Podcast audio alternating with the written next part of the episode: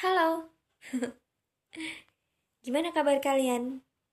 Dan gimana bulan pertama di tahun 2020-nya?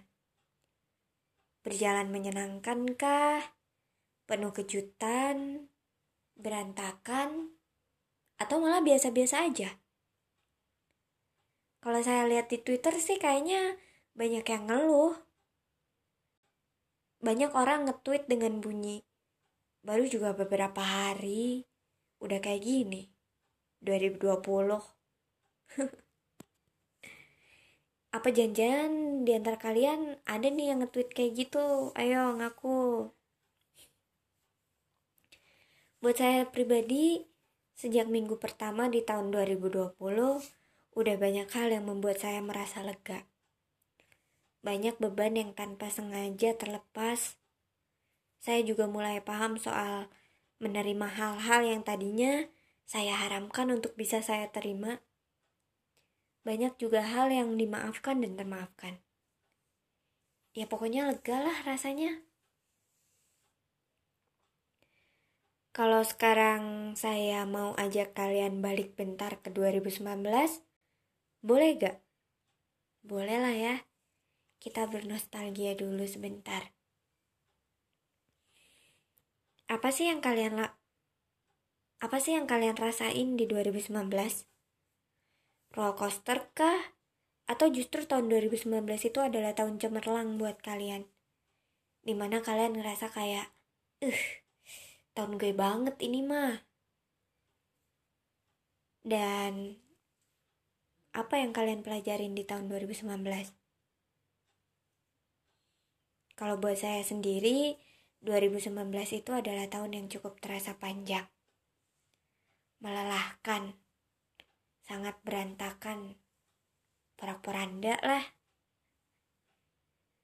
Banyak challenge yang bukan cuma membuat hebat, tapi juga mendewasakan. Mendewasakan dalam tanda kutip ya. Yang maksudnya di mana kalian dipaksa untuk melepaskan banyak hal yang gak pernah mau kalian lepas atau kalian gak pernah ngebayangin kalau hal itu harus kalian lepas. Buat saya 2019 itu seolah tahun ajaran khusus di mana saya belajar ilmu ikhlas yang Tuhan kasih secara langsung exercise-nya.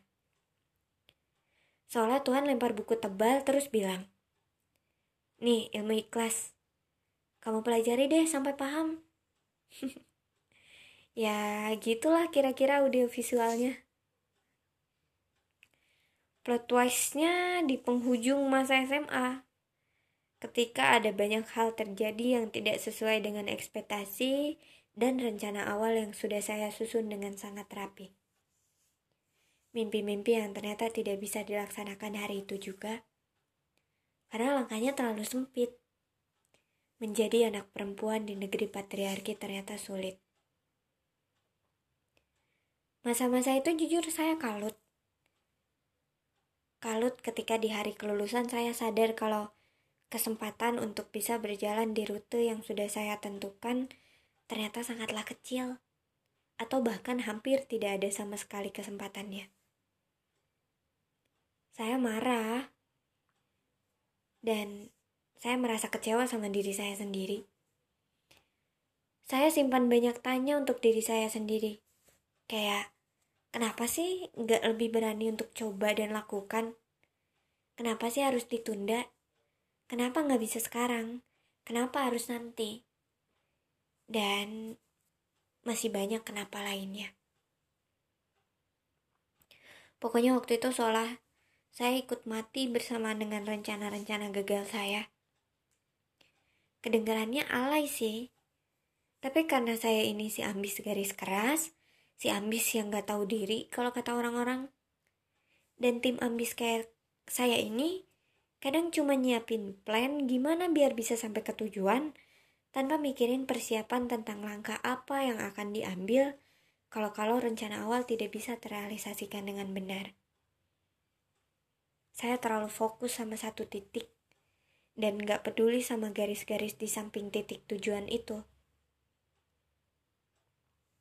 Ya jadi wajar wajar ketika gagal dan kemudian si tim ambis kayak kami ini merasa kehilangan arah karena kami cuma punya tujuan tanpa jalan alternatif lainnya.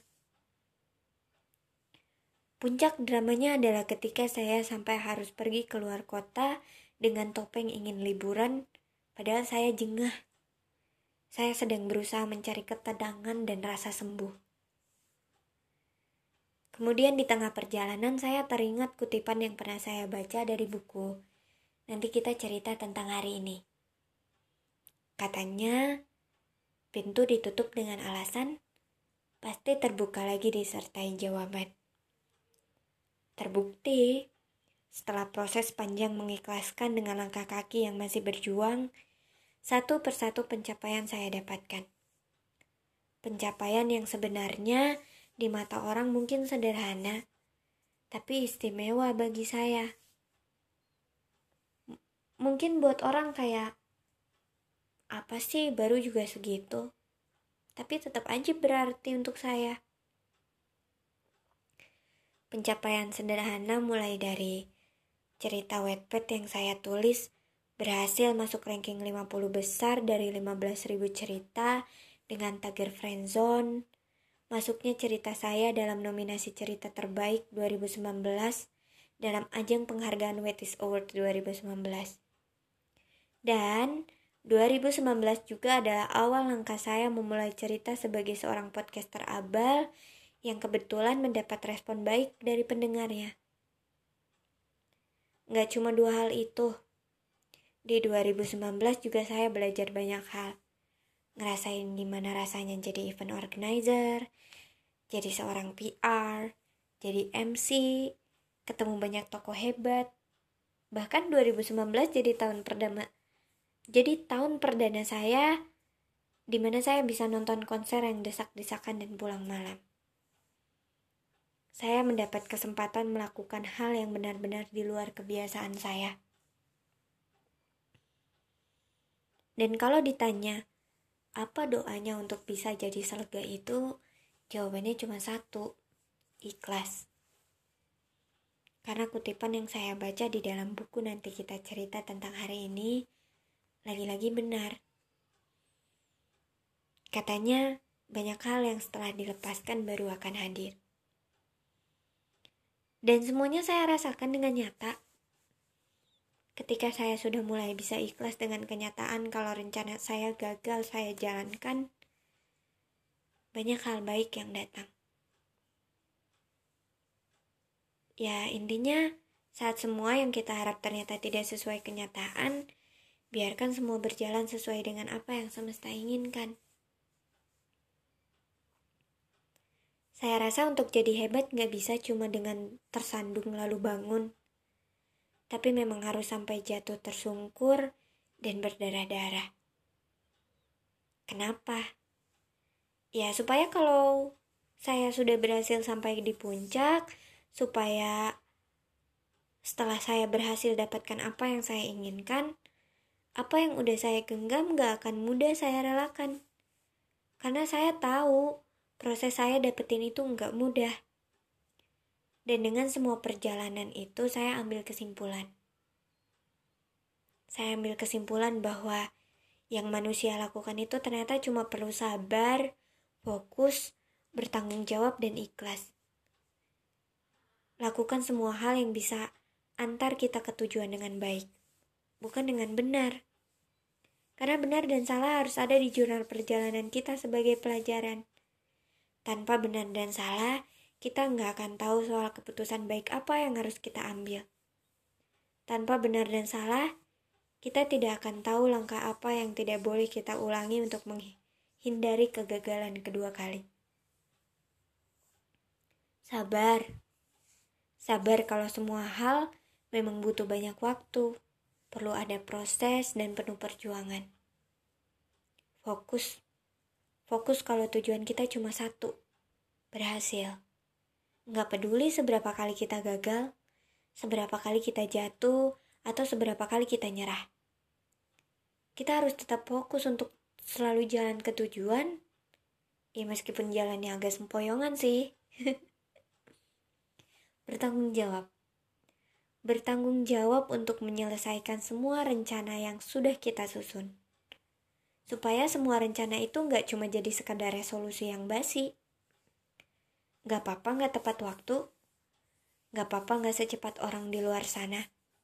Semuanya punya porsi dan jam terbang masing-masing kok. Yang terpenting itu diselesaikan. Karena done is better than perfect, right? Dan ikhlas. Saya rasa dalam proses perjuangan kita nggak berhak pikirkan apa hasilnya nanti. Kita nggak berhak nanya, ini kita ngapain sih? Ngerjain kayak gini kita dapat apa sih? Yang penting kita jalanin dulu sepenuh hati. Karena gimana Tuhan mau kasih reward? Gimana Tuhan mau kasih bonus kalau kita aja ngejalanin semua itu masih setengah hati? Untuk siapa pun yang sedang berjuang, tapi masih belum mendapatkan, tolong jangan berhenti di tengah jalan ya. Karena kita nggak pernah tahu garis finish dari perjuangan kita itu ada di mana. Mungkin memang masih jauh, atau ternyata tinggal beberapa kilometer lagi atau bahkan tinggal beberapa langkah lagi. Terlalu sayang rasanya kalau kita berhenti tanpa kita tahu kalau sebenarnya garis finish itu tinggal satu langkah lagi. Keberhasilan kita itu sudah ada di depan mata. Kan sayang. Makanya, saya selalu bilang sama orang-orang terdekat saya, terutama diri saya sendiri tentang hal ini. Saya selalu ingatkan kalau apa yang terjadi hari ini pasti untuk kebaikan di suatu hari nanti. Serta merta untuk siapkan mental saya. Mental kalau-kalau semesta kasih jawaban yang lain daripada hal atau jawaban yang saya inginkan. Saya harus siap kalau ternyata suatu hari nanti semesta kasih jawaban beda dari kuis yang saya ajukan soal kehidupan. Biar suatu hari kalau yang terjadi ternyata di luar ekspektasi, saya sudah punya bekal untuk bagaimana caranya ikhlas, caranya melepas tanpa beban. Tahu nggak? Karena adegan jatuh tersungkur itu, saya jadi nggak mau lagi menggantungkan ekspektasi terlalu tinggi. Di antara kalian pernah nggak ada yang bikin dreams mapping. Selembar kertas yang isti yang isinya step by step menuju titik utama atau goals kita. Dulu saya punya. Saya punya langkah-langkah gila saya untuk sampai akhirnya nyampe ke mimpi paling gila saya. Tapi karena tahun lalu semesta lagi suka bercanda bercanda sama saya, saya jadi nggak mau lagi bikin dream mapping kayak gitu jangankan untuk sampai ke tujuan. Untuk jalanin titik awal aja saya nggak punya kesempatan. Makanya saya nggak mau lagi punya ekspektasi. Nggak mau lagi bikin plan. Karena ketika ekspektasi itu gagal saya penuhi dengan baik rasa kecewa yang meluap itu membuat saya lupa gimana caranya untuk bersyukur sekarang saya cuma mau berjalan sesuai yang semesta inginkan, ikhlas dengan segala hal pahit yang terjadi di hidup saya. Karena katanya semesta jangan dikejar, nanti dia lari. Berjalanlah sesuai yang semestinya, sampai semesta menyerah dan akhirnya mengikuti langkah kita.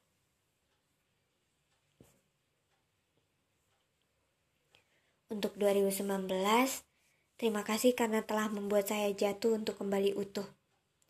Mulai hari ini saya tanam dalam hati saya sendiri bahwa Tuhan menciptakan makhluknya pasti untuk sesuatu yang luar biasa.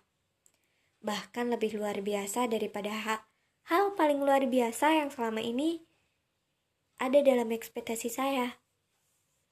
Mungkin sekarang saya nggak tahu hal baik itu apa.